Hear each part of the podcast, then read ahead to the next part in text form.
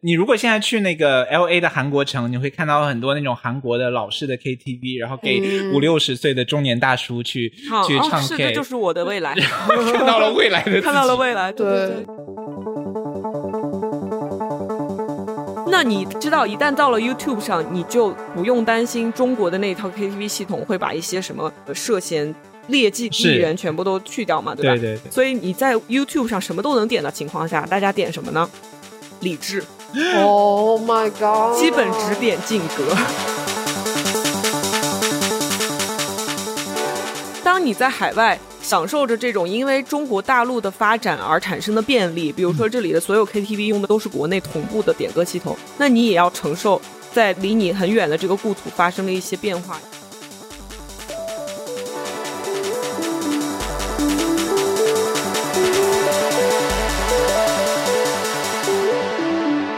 Hello，大家好，欢迎来到星星酒馆。在离散的时代里，我们试着讲述离散的故事。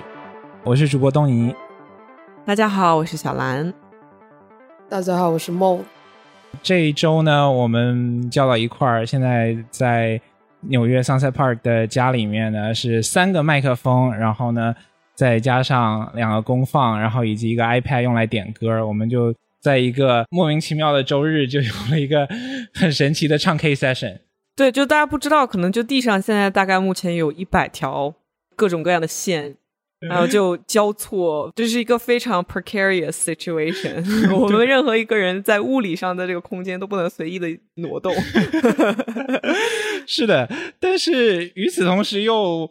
因为在前面有一个 iPad 屏幕，它其实就有点像在 KTV 里面那种触摸点歌屏。嗯然后我们刚才就点了一轮歌开始唱。对对、呃，先唱了啥？我们先把王菲、莫文蔚、周杰伦，就这么几个人。好像现在来唱歌，一开始都是这几个，最好把气氛调动起来。对，你知道我我意识到一件什么事情吗？一我一直以为我们总是去点自己初中的歌曲，是因为人之前有人研究，就是好像你最后一次学新歌，基本也就是十四五岁的时候，所以我一直以为这是因为我们是九零后。后来我最近发现，听了一些娱乐博主盘点每一年每一年的娱乐大事件以后，我发现不是的，是因为九零后身处的当时的流行音乐的乐坛是不一样的，我们就真真正正的是在黄金时代。所以我们现在去仍然唱那个时候的歌是很正常的一件事情，因为没有人超越得了这些人，目前还没有。就是滚石，我们一开始又一下就会点很多滚石的歌曲。对对对，滚石的歌曲，还有那个 MV 底下那个滚石的 logo，我就意识到，我每次看的都是滚石的 MV。哦，你们这么一讲，我真的觉得，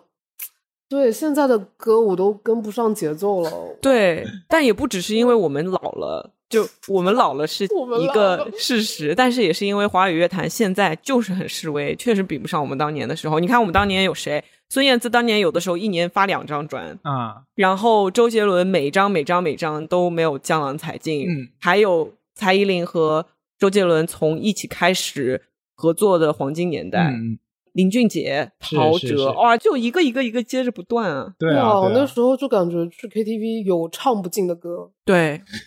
现在也还是有，但是就是我是很多年没有唱，我中间大概我搬到美国了之后，基本上大概有五六年没有去唱 KTV，可能一年唱一次这个样子，就大家有一个聚会啊那种，或者就是在美国跟美国的朋友出去唱 K，他们唱的 K 又是完全不一样的一种，根本不同不同的一种的艺术形东西式。对，对，无法共鸣。哦，我感觉就是这么说吧，在中国人的场一起唱 KTV 也分为不同的类型的局。然后我年少的时候还是去过颇几种不同感觉的那种 KTV 局的，但是跟美国人唱 K 就只有一种感觉，就是喝嗨了乱唱。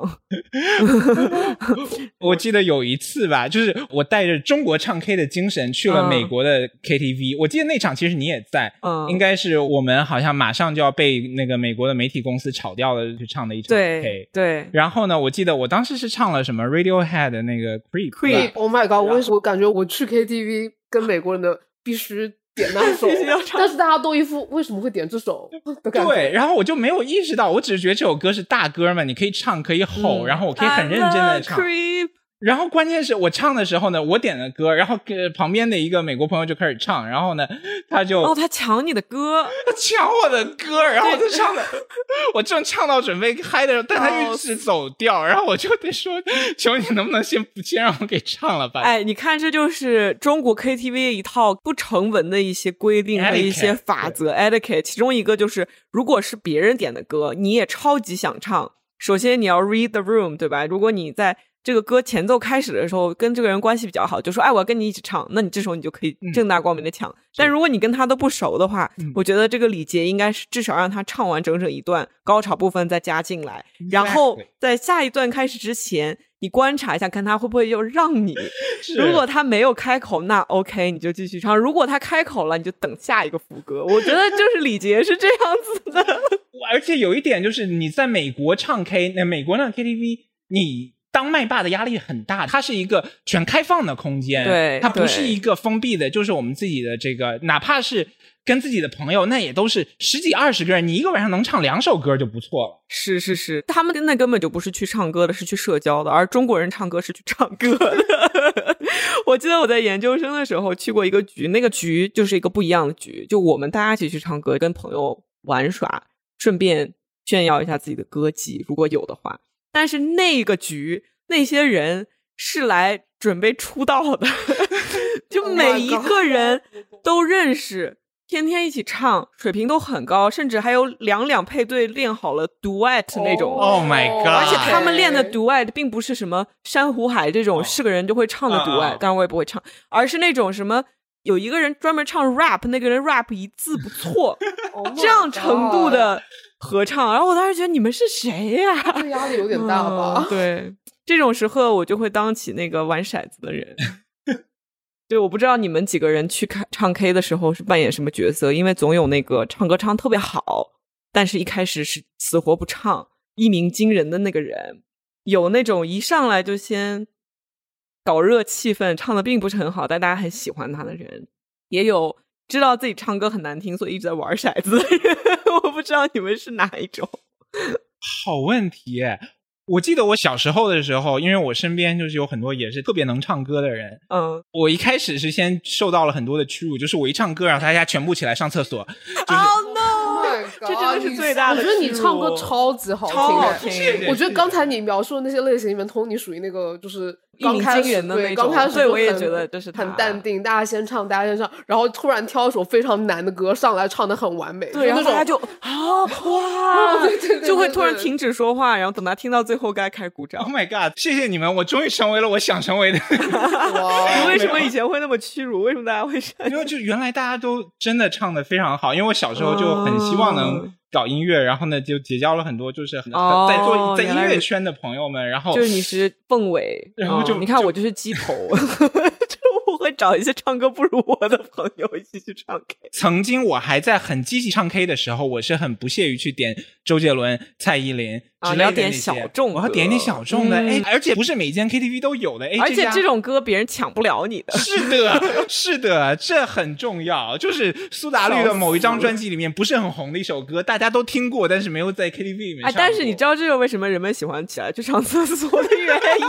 因为有时候我发现，在 KTV 唱歌跟在广场卖唱有有异曲同工之妙，嗯就是你要唱一些脍炙人口的歌曲，是的让大家有参与感。嗯如果你突然唱一首很小众的，又很阴郁的、很冷门的，我这时候就会有可能会去上厕所。我我感觉听从你们这边，我听到了很多就是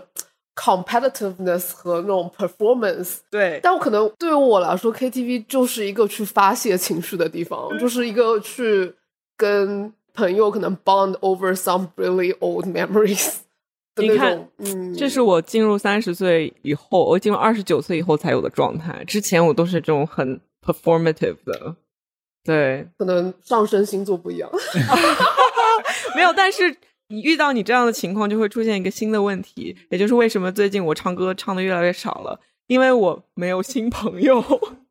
就这么几个人，他们已经听过我唱我所有的拿手歌曲，我没有新拿手的歌曲了。而且我记得我大学的时候去很多 KTV 都是那种我要去看一个演唱会了，然后我就会跟朋友约上唱大概三个小时，那个演唱会可能会出现的歌，样就那种好哎。把我准备到一个状态。哦，可能因为我自己从来没有觉得自己唱歌很好听，所以就是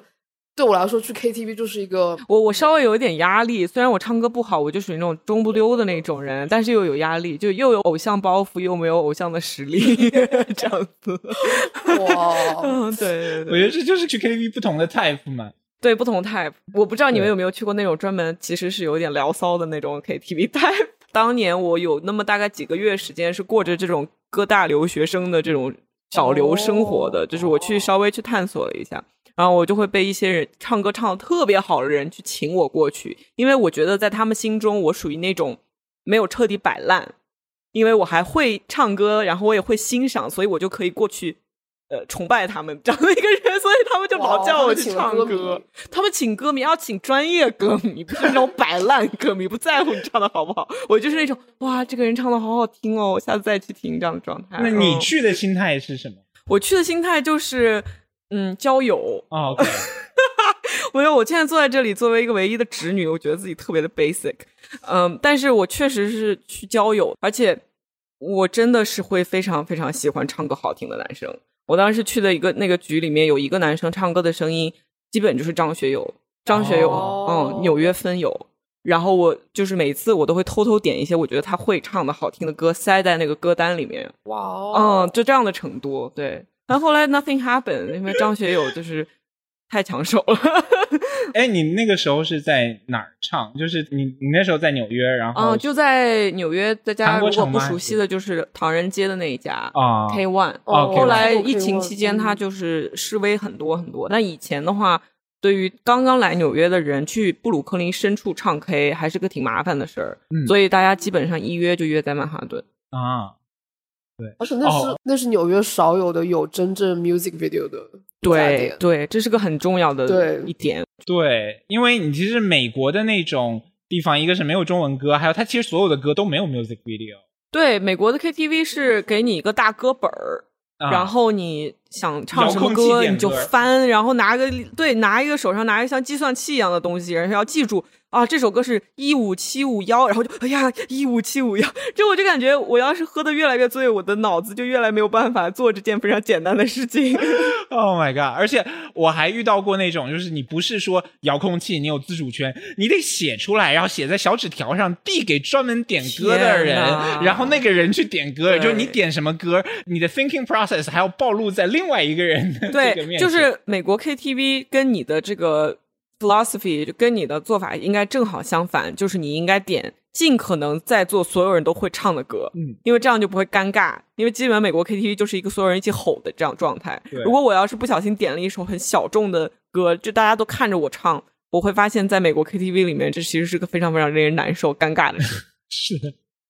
美国的 KTV etiquette。呃，美国 KTV etiquette，首先，你能点到小众的歌都很难，因为它是一个大歌本儿，它只有基本上只有大众的，啊，对对对，而而且它的中文歌曲选择几乎为零。没有没有对哦，来了美国以后，很长一段时间我都忘了我是一个还是挺喜欢 KTV 的人。是吧？我觉得 KTV 这个东西对我们来讲，一半是看 MV，一半是听你的朋友唱歌，然后一半是去回忆这个 MV 里面就是这个年代发生的事情，就越往后越变成这样的一种、嗯一种活动。对，所以说它其实需要的是，就一整个房间里面，就不光是一个 K 房，一个麦克风，对它需要 context，它需要对，它需要很多的上下文语义。对我和你说，我我也去过很多有趣的这种 KTV，就是你硬是把两种不同的 context 混在一起，嗯嗯就是和同事一起嗯唱嗯 K。对。就我们所在的环境是法拉盛或者是中国城的这种一个 iPad 一个本儿，就一个 iPad，然后点那些歌，哦最佳女歌手什么什么什么，然后但是在座的人有一半会中文，一半不会中文，这种时候就就变得非常有趣，就是你会意识到他们有多不自在，嗯，然后他们的那种不自在，让我意识到我除了这个 KTV 之外的所有地方对我来说都是这样的。就是我的那一点轻微的不自在，是的走出这间房门，对我来讲，整个世界都是这样。一下子上升了高度，一下子上价是值。是，而且你这么说，我突然间想起来一点，就是什么？其实像美国人，他可以是去中国城的中文 KTV 唱到自己想要的歌，甚至有更高的质量，因为他有 music video、嗯你点 Backstreet Boys 不是就是几行歌词往上升，你有 actually 当年的 video，但是我们去美国的 KTV 没有这样的待遇。是啊，那因为你自己是移民嘛，对就是对对别人的对对，但是他们即使是在，他们可以有更高的服务，但是他们还是会有那种 minor 的不自在，不就是自在。而且有一种就是他们看着我就有一种哦，this is what you like when you're like around like Chinese 对 people。，但你知道，我觉得我的炸场一件事情，就是在这种尴尬的场合。当然了，如果老板在我不会这么做，但是如果只是同级的同事，我会拿出我的大招，就是我会点 Britney Spears 的《三》，就是一首关于三 P 的歌曲，然后但是我会用中文的歌词唱出来。哇哦！所以就是让他们会感觉大脑炸裂，直接崩溃。我当时是亲眼见证了你，就有一次我第一次跟你去唱 K，然后呢，我迟到了一点，我打开门就是一二三，一二三，不止你和我。这种。哦，这个道行很高啊嗯，。这首歌是不喝到位，我是不会开始唱的。我需要全场喝到位才会开始唱。OK，提问哈，就是你和美国朋友去唱 KTV，你必唱的曲目和中国朋友去 KTV 必唱的曲目不一样，肯定不一样。就是是什么歌？我其实发现有一个点啊，嗯现在你这么一想，变得非常深刻。就是有有一个领域是能够把我的嗯，在美国朋友面前的这个自己和嗯。我在中国朋友面前的自己揉在一起的一个元素，就是 迪士尼，以及音乐剧，百老汇的音乐剧啊因为我就是喜欢唱这些歌，然后我当时刚到美国，在高中最受排挤或者最感觉到非常不自在的时候，也是因为唱音乐剧加入我们学校的戏剧社这件事情拯救了我。嗯。所以就我现在不管在美国朋友面前还是中国朋友面前，我都会非常开心的唱那个 For the First Time in Forever。就是哦 Frozen 冰雪奇缘里面的一首歌，因为我就是很喜欢，而且我就是这种很抓马的人，我就是喜欢边唱边演，然后带上情绪，这样子去把这首歌唱出来，就对我来讲很爽。嗯，天呐，我我可以做你的歌迷去参加你啊的 KTV。就我觉得你刚才讲的时候，我突然意识到还有一点不一样的是，我们都是几岁出来的。就是我觉得嗯这个我是二十二岁出来的，哦，然后我是来这边读研究生嘛，然后你是什么时候出来的？十五岁，哦，我是十八岁，所以说我们 kind of like dear，嗯，嗯，我觉得这个也好像反映了，就我觉得我在想我我在美国的 KTV，我真的没有什么歌好点，就 Radiohead、Creep 点过，但是我记得我当时点的时候，我就印象中就大家这一脸诧异，嗯然后我就觉得很没意思，啊，然后我后来就很少去嗯美国朋友的嗯 KTV 了，嗯，嗯但是后来我有去一些就是 Chinese American 的 KTV，啊，哦，然后就是我发现我在点一些中文歌的时候，大家都是只能点那些最基本，什么光良的第一次，代表我的心，这啊首是属于高级的对童话。嗯，嗯然后，但这些歌都是我觉得我在我自己的国家我不会点的。对我绝对不会点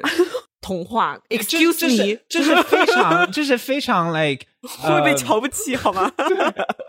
就会变成大家集体去上厕所。没所。有，这是非常 Asian American 的这种，对对就是偶尔我可以和我的那种 second generation American friends 就聊《还珠格格》之类的这些，啊就是可以最最最最大众，也说明那个时候约束对那个影响力，那个时候某一些作品，中文世界的某些作品，可以就是在整个中文世界里面对。非常 unified 的一个。没错，没错，没错，是的，我觉得，但是这是属于美国亚裔或者美国华裔他们自己的一些文化印记，就跟我只有一点很小的重合而已。嗯，嗯，所以你觉得就是你们观察到的 Asian American 就能够在华语世界，不管是什么地方，都能够留下印记的作品有有哪些？然后他们有什么样的特点？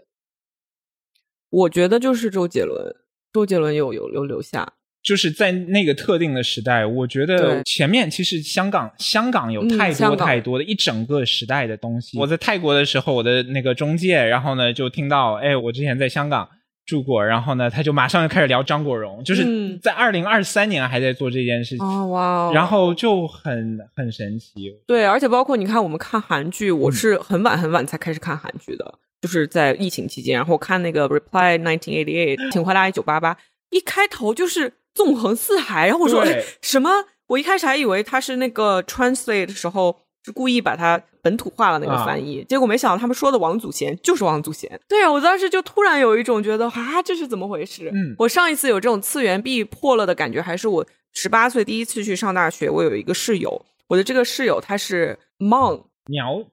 对我一直以为他就是苗族，我当时还跟他套了半天近乎，我说啊，你就是苗族呀。嗯但是后来我去查了一下，发现，嗯，苗是我们就是汉族人给在这个地方在建这个国界线以内的这些人的名字起叫苗，人家自己并不认同是苗，他们就是 Hmong people。啊，然后，但是有一次我回到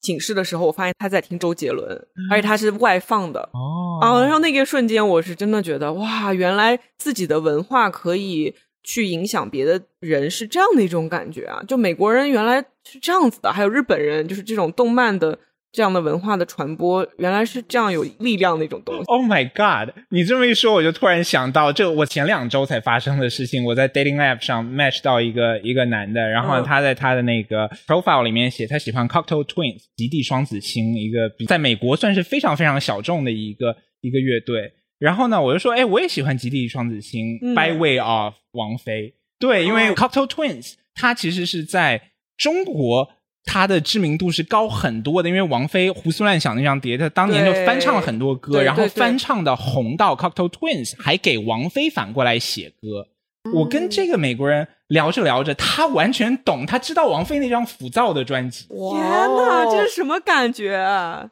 然后然后觉得 Holy shit，就是给他加一百分，给他加一百分。我刚想说到王菲，是因为我觉得我之前大部分的朋友也可能都是 queer Asian 或者是 queer POC，嗯，然后我就发现王菲是一个脍炙人口的，对。就是她身上那个 queerness 对，影响到了一大批人，然后他们可能并不知道她很多的歌，但是嗯。我 somehow 就放到她这个人的时候，这些 random queers know her，我说哇，这个哎，你们觉得 What makes Mando pop star queer icon？就是中国的流行乐坛里面的人怎么会成为啊 queer icon？中文世界的，对中文世界的，因为蔡依林肯定是一个，嗯，因为现在的话，就 Among the Gays，她 definitely 是一个 queer icon。当年应该萧亚轩也算是一个，我不知道，不确定哦。但是这些很多都是就是 gay icon，对就是 gay icon，对，我觉得 gay 嗯 icon 它有几种，就是在我的观察里面哈，嗯。一种就是它可以 channel，就是在我看来就是 vocal diva 或者 dance diva，versus emo diva，right，对 对，王菲就是 emo diva，diva。然后李玟就是 dance，张张惠妹可以说是 both，它是两种。他们对于我来说，可以嗯。帮助我抒发很多我自己在于男性气质里面没有办法抒发的情绪。哦，所以他们之间的共同点都是一种非常嗯勇于表达自我，然后很自信的一个状态，就是可以表达的自我，他可以表达的很自我，就是从这个角度，就是至少说王菲，在我看来，就当年哈，我就非常非常 obsessed with 王菲，我就觉得哦，你也可以哼哼唧唧的唱歌，就是你可以唱小歌，你可以去唱非常非常敏感脆弱的这些歌，就对我来说非常非常的重要。明白，对，但确实，我觉得王菲的 queerness 给我感觉还有一个就是她非常的不传统意义上的那种女性化，就是她的那种 femininity 并不是一种 hyper femininity，比如说，嗯我想想谁会比较符合我心中的那种 hyper femininity？我其实觉得在东亚的语境下，就是其实类似于那些 traditional diva 都是，嗯，张惠妹也好啊，然后嗯萧亚轩也好啊，嗯他们还有蔡依林，都属于从身材上到对自己的 presenting 上面都非常非常非常的女性化，然后以至于这些人当时在我长大的时候，我是非常不喜欢的。嗯，我非常讨厌他们，而且我更讨厌王心凌，以少女的那种甜美的风格出道的王心凌，然后也讨厌当年跟周董在一起谈恋爱的蔡依林。这些人都是我在二十七八岁对自己的女性气质有了足够的认识、理解和和解之后，我才慢慢喜欢上的，我才能去庆祝他们。在以前，我是一种我不愿意你们被，现在想来啊，用现在的语言去复述当年十三岁的我的心情是，我不愿意你们遭受如此多的男性凝视，所以我会讨厌你们。就是我想跟你划清界限。对我不是王心凌这样子非常可爱的、纯洁的、性感的少女，就是我 I want nothing to do with it，所以我也要从根本上否定你作为这种符号的商业价值。对我当时是真的是有这样的感觉的。哇嗯，OK，对对，就有很也有很厌女的部分，对吧？就是有一种很厌恶在男性主导的社会里面女性的境遇，以至于把她想成了厌恶这个女性本身。她这是一个你需要花十年或十五年才能自我治愈，然后去想明白的一个事情。对于他们这种形象的这种否定，可能他其实真正否定的是那个所谓的 “quote unquote” 少男杀手的那对个那个 label，这个东就是西，对，其实因为那个时候没有做好准备，被作为一个 sexual object，、但嗯是你看到这些女性都被彻底的被作为 sexual object，就很难受，就想嗯去跟这个东西划清界限。划清界限的方式就是告诉别人我和你们不一样。当时我确实，我最喜欢的是陶喆，嗯我甚至不喜欢周杰伦，我觉得周杰伦太男男女女情情爱爱了。嗯，然后我们陶喆是一个有社会责任感的一个音乐人，我有一个有点不一样，但是又嗯相似的变化是什么呢？就是我小时候，我觉得我特别喜欢写歌词嘛，然后我嗯觉得、啊，林夕才是写的好的，那嗯个李宗盛也好，然后黄伟文也好，那什么台湾、新加坡的什么那个林俊杰的歌词什么，我就看不上李思松、李伟松他们那一批的那些东西。但是呢，就是前一段也是跟梦去 K 歌吧，就是三十多岁了之后，就听什么我不难过之类的那些情歌，就真的是男男女女情情爱爱，对对对。而不光是男男女女情情爱爱，还是今天你爱我，明天你还不爱我了，然后呢，我和你的爱的距离之间怎么样怎么样，然后我就突然间觉得好有道理啊，因为我是。哦，原来这么浅白的嗯。歌词里面，并不是所有的歌词都需要就是哲学啊、点化啊什么什么的，对对对。就是这些九转千回的这些东西。Feels yeah，那可能就是因为这个 feels，我之前听的歌都是这种超大 feeling 的这种歌。我孙燕姿是可能很小的时候很喜欢她，就是嗯。她其实属于我的 queer icon 之一。哦。就是我记得她早期专辑里面经常穿一个白色的二道背心儿，对 白色的背心，然后一条很简单牛仔裤，然后我就觉得我不知道为什么，我觉得这个好 hot。哦，就是。还有就是，我觉得其实我现在回想起来，我小时候喜欢的那些明星，都是带着很多 queer 气质的。比如说，嗯我记得我买的第一张盗版 CD 是范晓萱的，哦范晓萱超会呃，然后 我是后来回来再去看她以前的那些 MV，都对，好 queer，她走在时代的前端，就那个什么数字恋爱，嗯，那个时候是她的那个 Y two K 的 style，就是我觉得现在都回来了。，ahead of her time，太超前了，太超前了。我知道他前面那个小魔女时代，他他完全不是他自己，对对，但是我觉得对他后来的就挣脱了那个这些束缚，然后走过他自己的抑郁时代出来的那些，我真的是啊对爱。然后我那个时候很喜欢就陈绮贞啊，什么哦。就是会逃课去看苏打绿的演唱会。你还看演唱会？我小时哦。候很爱去演唱会，就是我。我那时候还有追了很多那种台湾的那种 indie 嗯小。团，就是那种来中国开演唱会就去几个小城市，嗯然后我然后我很庆幸我在杭州，就是有很多那种小清新乐队会来杭州。杭州，对对哦。对，然后我记得去了很多那种很小的场子，可能就五六十个人的那种 live house，嗯。然后我就非常怀念那种场子，嗯，但这种就好像再也没有了。我那个时候还追了很多五月天的演唱会，嗯。就是那种几万人的大场，然后大家都是去看过好几场演唱会，你都知道他接下来要走什么梗，但是你会嗯。配合他、那种集体的那种气氛氛围，嗯就大家都沉浸在一个状态里面，那种感觉，我觉得我来了美国以后，我好像我都不敢奢望。嗯，我觉得你这种非常亲密的小场子，在纽约我去过一次，呃，就是窦靖童在纽约的演你唱去了会，笑死！我跟你讲，我就到了那个排队的地方，我打眼一看，全都是自爆。全都是 NYU 艺术系的 lesbian，就 感觉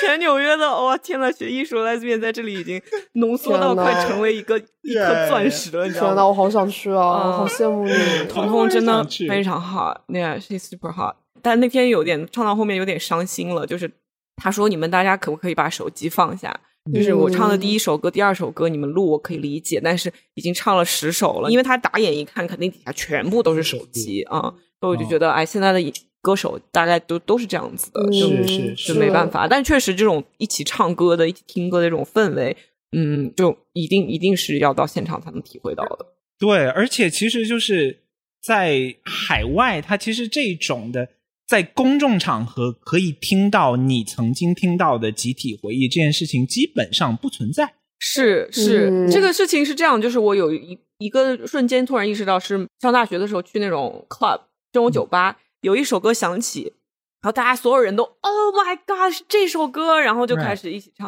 然后我就在想，嗯，如果说是在我们的文化环境里的话，我也会有这样的经历，就是哗一首歌上来，嗯。然后发现是什么张惠妹嗯。的姐妹，就是会有这种感觉，就是没有经历过。对，我记得就是我突然间就是发现这件事情，是因为我在某一个 party，我那个 party 就特别想，我今天就只放我当年喜欢的音乐，就是我放我当年喜欢的中文的 queer 音乐，然后我就放那个王菲的《催眠》。然后那个时候，就另外一个小 gay，我就新认识的新朋友，他就跟我说：“哎，我上一次听到这首歌还是十年前的时候，就是就是他在上海的一个 gay bar 里面听，哦从来再也没有想过在纽约会在公共场合听到这首歌，因为公共场合不是你自己放的，你听到这首歌，然后嗯感受它不一样它其实是一种 shared public acknowledgement of your memory，你的记忆被人看到了。对，而且是别人也喜欢这个东西。嗯对，然后我就瞬间回到了那种哎校广播站的哦，那种感觉哇！我好喜欢校广播站，当时大家少男少女用来聊骚就是点歌。对，而且我那哦个时候听很多这种午夜电台，然后这种点哦歌，我就觉得对哦，我我我真的有试过点歌，后来没有成功。我打电话给当时听的最多是上海的时候，上海有幺零幺点七广播，就嗯幺零幺点七 FM，就我到现在都记得他那个。然后当时也是华语乐坛最鼎盛的时期吧。然后所以当时有一些 DJ 他们放的歌的这种嗯怎么说呢 quality，包括他去听欧美的歌曲啊，然后日韩的，就当时那个整个大家就是会有一个听音乐的一个文化在。后来彩铃开始出现，然后超级女声啊，就是这些选秀歌手开始出现，在后面感觉这些唱片公司都开始示威，然后就一下走进了一个完全不同的时代。我觉得华语乐坛最后的，当然我这么说是因为我离开了哈，但是我感觉就是，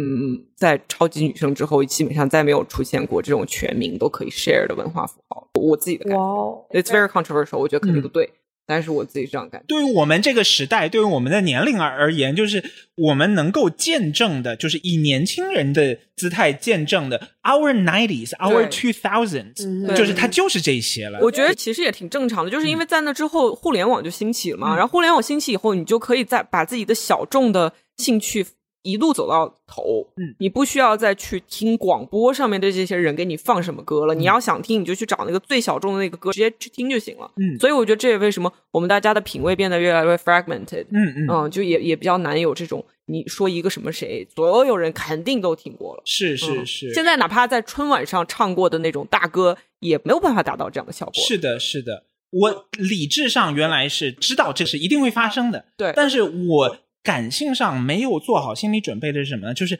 这些东西对我来说有多重要。我在身边看到了很多朋友，那他们就是进入了一个完全美国 mainstream 的这种生活，嗯那我就觉得 OK。我会去到一个没有人可以跟我聊，可可以跟我共情。周杰伦是一个什么样的人？王菲是一个什么样的人？我非常 obsessed 的这些香港乐坛的一点点的这些小的东西，你跟我说滚石的东西，我可以跟你就嘚吧嘚吧嘚，呃就是说 说半天。那些所有的这些知识都突然间变得没没有有用了了。是是是，对，然后我觉得好像不行啊。嗯我我觉得一个是不行，再一个是也不会，因为我就在想哈，我经常在纽约打车的时候会打到，比如说来自孟加拉国的或者是巴基斯坦的这样的司机，嗯，然后他们在车上，我经常会听他们放就是他们国家的音乐，然后我就在想，嗯，人就是你无论走到哪里，你要带着一些东西，就是它是一个像一个你离开了自己的子宫以后的另外一个安全的环境，就是它能够。这种感官，只要你一旦有，你就可以立刻把自己带回一个安全的地方。嗯然后一个是就是跟记忆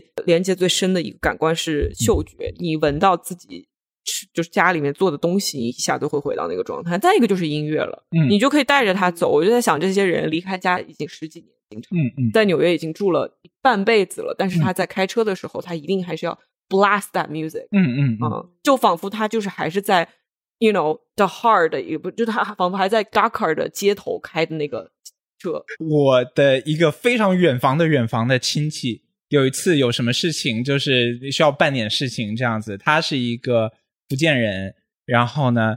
呃，我也不认识他，就从来没有见过。他受了很多苦，他在这边就是做了很多很神奇的工作，然后也是一个传奇人物这样子。但是我不知道他有多传奇。然后呢，等到那一天说要见面，他也不告诉我什么时候。但是呢，我在后院里面就是撸猫什么，突然间一个时刻，我就觉得，哎，我的这个惊起来了。为什么呢？是因为。整条街上都是中文的农业重金属的那个感觉，我从来没有见过中国人把音乐开的这么大声。然后呢，在美国的街上就是放着翻唱的凤凰传奇，凤凰传奇 remix。然后，然后我就跟他就是见了把声音，然后我就觉得这位就是我的神呐！这位，嗯，是你看，就是你一旦从。主流变成一个边缘的人群的时候，你突然就对以前的很多你自己看不上的一些所谓非常主流的文化符号重新拥抱。就比如说凤凰传奇，以前当时非常牛逼哄哄的听独立音乐的我是非常看不上凤凰传奇的。嗯，然后但是现在的话，如果你突然点什么月亮之上，我会觉得超亲切。是，是我同意。而且来了 Sunset Park 以后，你就看到这些东西。这些国内广场舞的歌，在国外依然是广场舞的歌。对对，而且你在 Sunset Park 看到有一群人在 dance to this music，你会觉得非常开心。对对对，我是 pandemic 期间，我开始就是可能有更多的时间在家待着，然后我就开始就是觉得有很多回忆泛上来。是，然后我那个时候就做了一个自拍的项目，当时我就有一个强烈的嗯，就是需求，就是回到自己的文化 roots。不然的话，我觉得我就在这个，在这个国家，我好像看不到另外别人也在发送同样的信号。嗯，另外一边，我也觉得可能我在想，怎么样能够留下一些清晰又非常具体的文化信号，这样我能找到不光是只能理解我一方面文化的朋友，也能理解我各种不同的文化面向的朋友。嗯。嗯，就是如何做一个完整的人。哎，啊，讲到这个要哭了。你在讲这个之前，我觉得我都不想承认，我一直在强迫自己做一个 fragmented，做一个碎片化的人。嗯嗯，就是我都忘了我还有这么多的面相。是，就是我觉得以前非常热爱豆瓣啊，然后就是真的就是可以跟朋友聊很多关于文化方面的。知识。来了美国以后，进入了一个要去靠工作来证明你值得在这个国家生存。工具人嘛？嗯，天哪，这个属性我一直在很 refuse to take on。嗯，但最近可能也是因为我刚刚拿到这个绿卡申请的通过，Congratulations，赎身成功，谢谢谢谢，我就突然好像自己一直被。狠狠的绑着，然后我突然感觉这个绳子一点点松下，一点点松下来，然后就是我都每天都在在想，我我到底会有什么回忆泛上来，都会有什么我其他隐藏了的技能，嗯，重新浮上来。嗯，我觉得说到唱 K 以及这种语义混乱、不同的 context 就融合，有一个非常神奇的 K 歌局，我要跟你们形容一下。OK，是我们一群朋友。都非常非常热爱看《继承之战》（Succession）。啊，《Succession》里面有一幕很重要的一幕是那个爸爸 Logan，就是这个像皇帝一样高高在上的家族企业的创始人，跑去一个在 K Town 的一个 KTV 的包厢里面去见他的孩子，然后这辈子第一次说出了对不起以及我爱你们，但是他又在我爱你们之后加了一句 “But you are not serious people”，就是彻底彻底否定了他们作为。继承人存在的可能性，就是否认了对他们人格进行直接的一个 assassination，right？所以就是这个场景，我们大家都觉得哇要去打卡，所以我们一群中国离散者就跑去了这家 K Town 的那个地方去朝圣，因为一个美国的文化符号而跑去一个韩国移民开的一个地方去朝圣，结果进去以后发现，哇，我就没有这么奇怪的被异化的感觉，因为。那个韩国的一套 KTV 点歌系统我不会用，它不是我们中国的 KTV 里面那么高级的，可以用触屏啊什么的。它是跟美国一样那种很落后的呃歌本，就是类似歌本，但它又不是歌本，是一个那种计算器和一个 iPad。然后你用它的那个直接，总之就是，然后它的所有语言全是韩语，然后我看不懂，我们大家就戳了半天，实在不行。最后我们直接把那个拔了，嗯然后插上某个人的 YouTube，然后开始在 YouTube 上点歌。那你知道，一旦到了 YouTube 上，你就不用担心中国的那一套 KTV 系统会把一些什么呃涉嫌劣迹艺人全部都去掉嘛，对吧？对对对所以你在 YouTube 上什么都能点的情况下，大家点什么呢？理智。Oh my god！基本只点劲歌，只点劲歌，然后后面点了一首，有人突然点了一首《北京欢迎你》，啊，然后我们发现《北京欢迎你》也差不多是一首劲歌了，因为那首歌里面的 MV 出现的明星里面有一大半现在都已经不在华语，就不在内娱了，有有谁在里面有王力宏？OK 呃，有房祖名啊啊，柯震东应该也在。然后反正就是看一个哎不在了，哎、啊看一个哎塌房了，然后看一个因为各种原因，还有一些香港歌手，比如说现在就是这些人已经不在这，然后歌词又是林夕写的，歌词又是林夕写的，对，然后当时就是一种非常开放的面向，然后一种两岸三地真的都为这个跨时代的。因为就奥运会在中国创办这件事情走在一起，嗯。然后他的这首歌的开放气象是我们现在想起来就会想哭的程度。是那首歌真的就是 很神奇的，就是他现在 somehow 很好哭了，很好哭了就是对嗯，那个时候也是零八年，就是香港、嗯中港就是相对气氛比较热烈，还是最后的最后的比较热烈的时对对对刻对对。汶川大地震就是捐钱，然后就我忘了是谁了，在微博上我看到有人，这个是我们唱 K 之后，嗯那个人在微博上写的，我看到就是他说，我们大家想哭，哭的是因为当时这首歌所承诺的未来并没有到来。嗯啊然后我觉得确实这首歌你去听，感觉就仿佛是一首时代的挽歌。太太戳了。啊就就是这种塌房哈，这种消失，我现在有一种很强烈的感觉，对它是它是永久性的。因为刚才聊必点的歌的时候，有一首我曾经去唱 K 必点的歌，就是何韵诗的《劳斯莱斯》。然后好容易有一有一首 queer 歌曲了，能在中文世界里面点，它就这样子，你就所有的点歌系统里面就找不到没了。然后你别说这些歌了，然后就是我们现在上 YouTube 上很多的官方的 MV，你其实也是找不到了，你看到都是歌词版的。我们刚才尝试了一下，都是这样。而且我想点那个赵薇在《情深深雨蒙蒙》里面唱的歌，你知道没有了啊？哦，是吗？对，所以就是当你在海外享受着这种因为中国大陆的发展而产生的便利，比如说这里的所有 KTV 用的都是国内同步的点歌系统，那你也要承受在离你很远的这个故土发生了一些变化，你不得不在这里也能感受到这种变化，因为一旦同步，这边所有这些人的歌你在这儿也唱不了了。虽然没有人真的去 censor 你，对吧？嗯可是因为你要享受这种便利，所以你就不得不承受这种 censorship。我想说的是，其实它这里就是我们当年的一种确定性消失，就是我们觉得这些东西它都会在，它不会变的。甚至乎，如果我知道现在是这个情况，我不会把我当年有着我几万首歌做电驴下来的歌的这个 MP 三扔掉，或者说我一定要有一个 physical copy 保存在那个地方，因为你喜欢的音乐它可能会消失掉，就是可能因为政治问题，可能因为审查问题，可能因为各种各样的问题，你的记忆，你的一部分就没有办法被 recover。是是是是是的，我觉得其实就是插上 YouTube 的那一瞬间，我们这一群中国人突然就觉得啊，我自由了。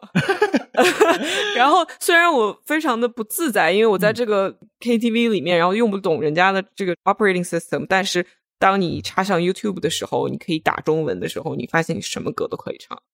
嗯，YouTube 现在是我最喜欢的点歌系对统，，就只要有人在某个嗯。地方记录下来了这个曾经的创作，是。我们剩下的人就都可以的是的，at least for now。，Yeah，就最重要，这个歌一定要有人唱，有人听一。定要有人唱。而且我觉得音乐对于我不知道你们是怎样，但是有一些歌它是跟我的某一段、某一个时期非常非常具体的一段记忆是挂钩的。对我只要一听到这首歌，我就能够调取那个时间的那个记忆对对对，啊、然后它对你的意义也正在于此。对，所以我觉得在好像在点歌的时候，我会点那些，其实好像也是给我一个机会去见到我过去的那个自己。是，还有一些歌，就是可能那些我们一直在点的歌，它能够携带的记忆就更多了。我好像看到在唱这首歌的时候，我能够看到自己最年轻的时候，我还能够看到自己可能刚来美国的时候，然后失恋的时候，然后 you know，就是他携带的记忆非常独家回忆，独家的回忆。嗯是的，哎，我现在就是我在中年 KTV 找到了一个新游戏，就是如何点出一首大家都不记得了，哦哎，这是什么歌？但是一出来，我知道这首歌，然后大家全程可以唱。这是个很好的游戏。你上次点了那个什么《家有仙妻》的主题，哦，我超爱那首歌蜢的那个噔噔噔噔噔噔噔，失恋阵线人阵线里里面对，超喜欢那首。嗯还有还有那个那个当什么呃雨蝶雨蝶哦，雨蝶雨蝶，对对对，所以我就很想唱赵薇的那个小冤家嘛，发现没有了。没有了吗？嗯，还有烟雨蒙蒙也没有，啊伤心。啊，还有一些歌是你年轻的时候听不懂，现在一听就觉得特别厉害的，比如说那个给自己的情书，嗯你跟我讲完以后，我去读他的歌词，就是每一句我都想要大呼阿门的程度。然后那个那英也是我最近才 discover 的一个歌手，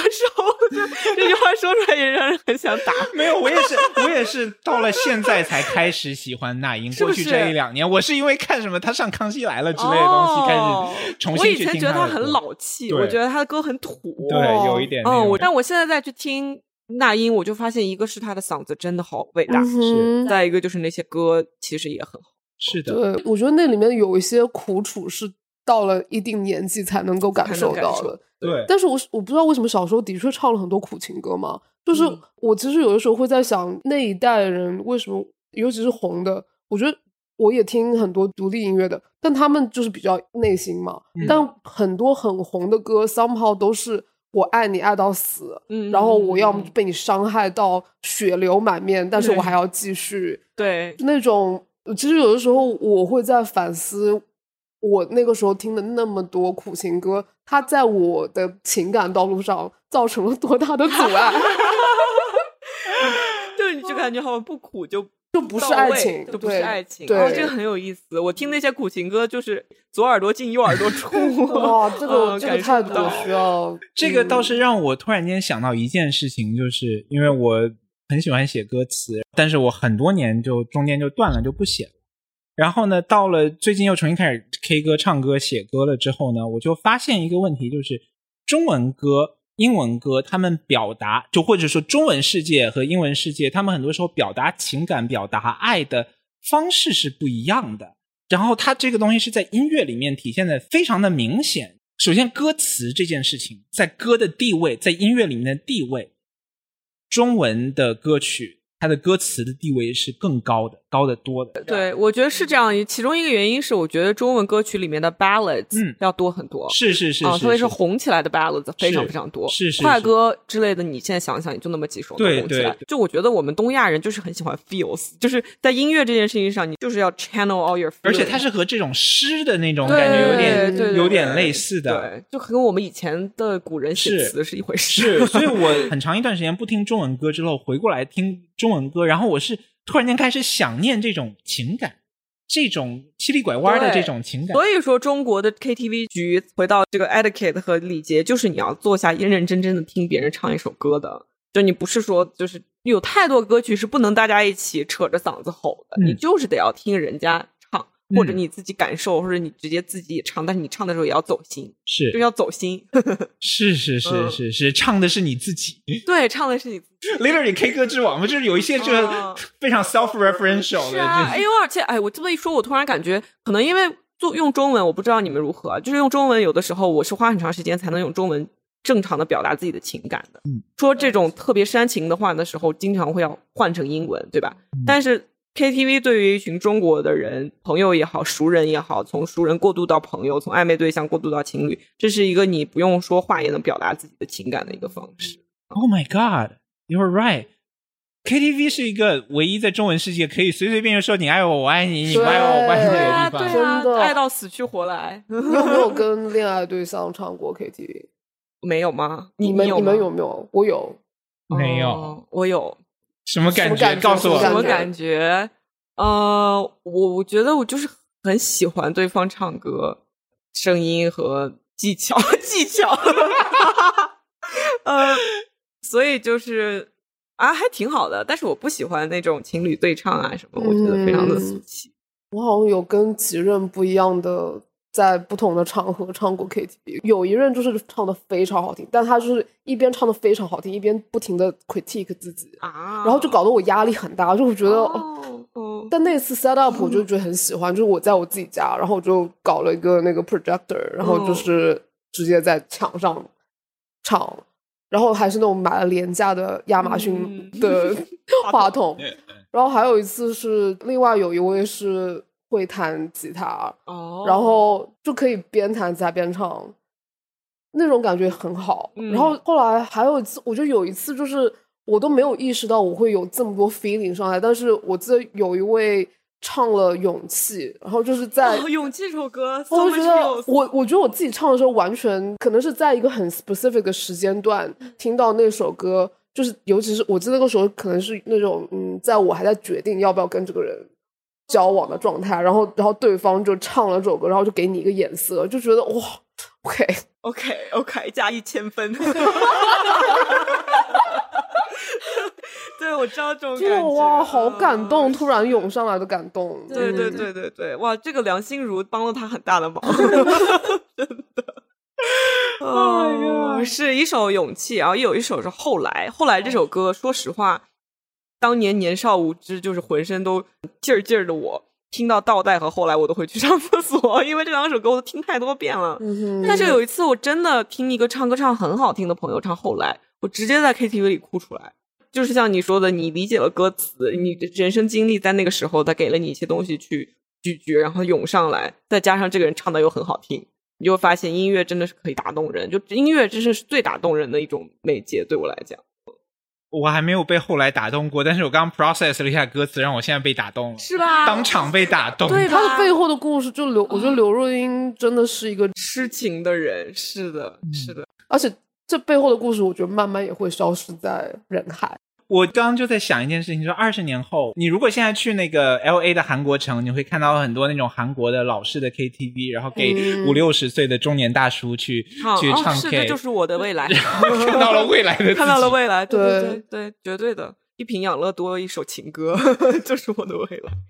嗯，但是我觉得好歌不怕老，比如说我现在那天前段时间，我爸就是过来找我，然后我们在家里就是也是搞了一个 K T V 的局，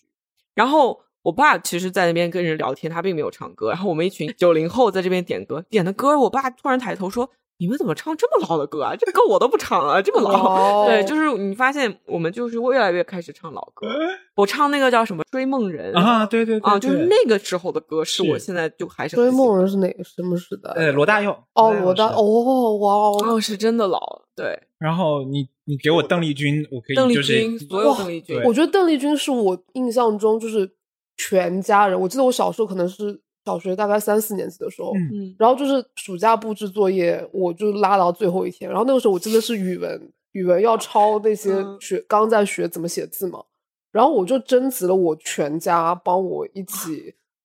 抄那个每就每个字要抄到五百遍之类的，就那种那种作业。然后我记得背景就是我们在全家一起在看邓丽君的那个演唱会，嗯。好美好的回忆。对，就我觉得那时候外婆外公，然后我爸妈，然后现在想到就这样子的回忆，就我我觉得我很少见过我爸妈真的在我成年之后在唱歌。我记得我小时候，他们还会在家里 set up KTV，然后请亲人过来。然后我觉得他们可能也是到了三四十岁之后就不再唱了。嗯哦，然后我记得他们以前唱的歌什么《东方之珠》啊，对对对对。对，所以我很羡慕你们都有现最近还有在跟父母唱歌，下次他们来就一起唱歌。对，所有人一起去，我爸我妈都很喜欢跟我去唱 K。有一次我是过生日，请了一群我的朋友，然后一起去 KTV，但是因为我们当时未成年，就需要成年人的监监监视，然后我爸妈就跟着一起去了。结果到最后唱歌唱的最多是他们，好可 爱哦！啊，这个倒是让我想起来，就是我。呃，外公外婆呃去世之前的时候，然后他们的金婚纪念日，那个时候就是唱 K 还是一个最奢侈的一件事情，就是很很新的一件事情，所以说大家就一块儿去钱柜，然后搞个大包厢去唱歌，然后看到他们唱歌，和他们一起唱了歌，就唱那么一两首，然后你们这么一说，就突然觉得，就这是一个特别特别现在现在都是什么剧本杀 什么的吧？我觉得对，就是很很核心的一个回忆，他没有办法，连国内唱 K 都已经慢慢变成一个要被淘汰的一个娱乐方式了啊！我听说一件事情让我觉得非常的骄傲，就是在上海那些 KTV，他们的舞场、舞间场不是最便宜的嘛？嗯，然后就会有一大群五六十岁左右的退休的呃女性。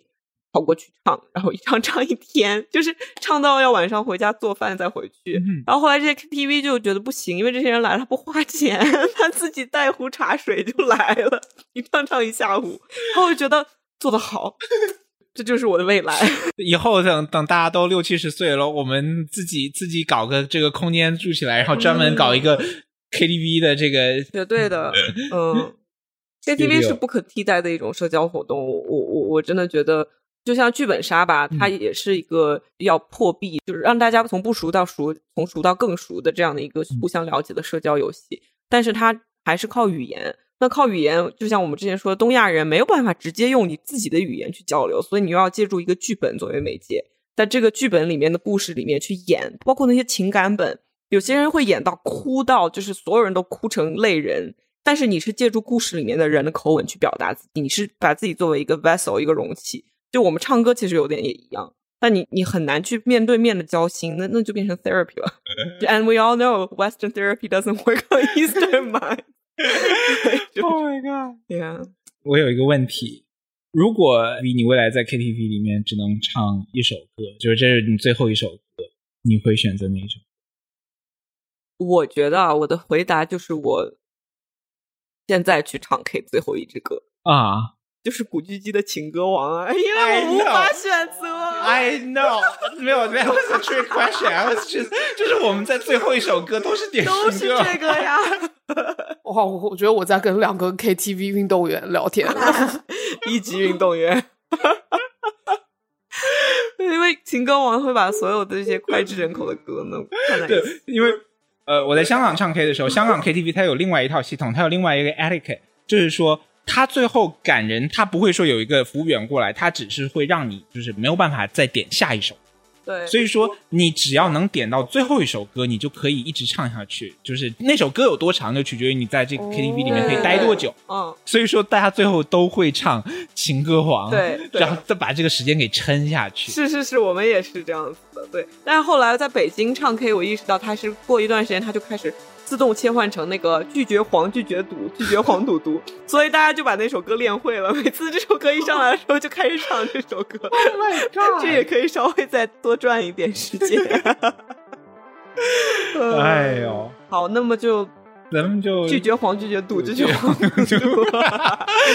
今天就聊到这，就聊到这儿，谢谢大家。啊，那我们接下来去唱 K 了。好，好，我来来来来，我要看一下你们两个运动员是怎么唱 K 的。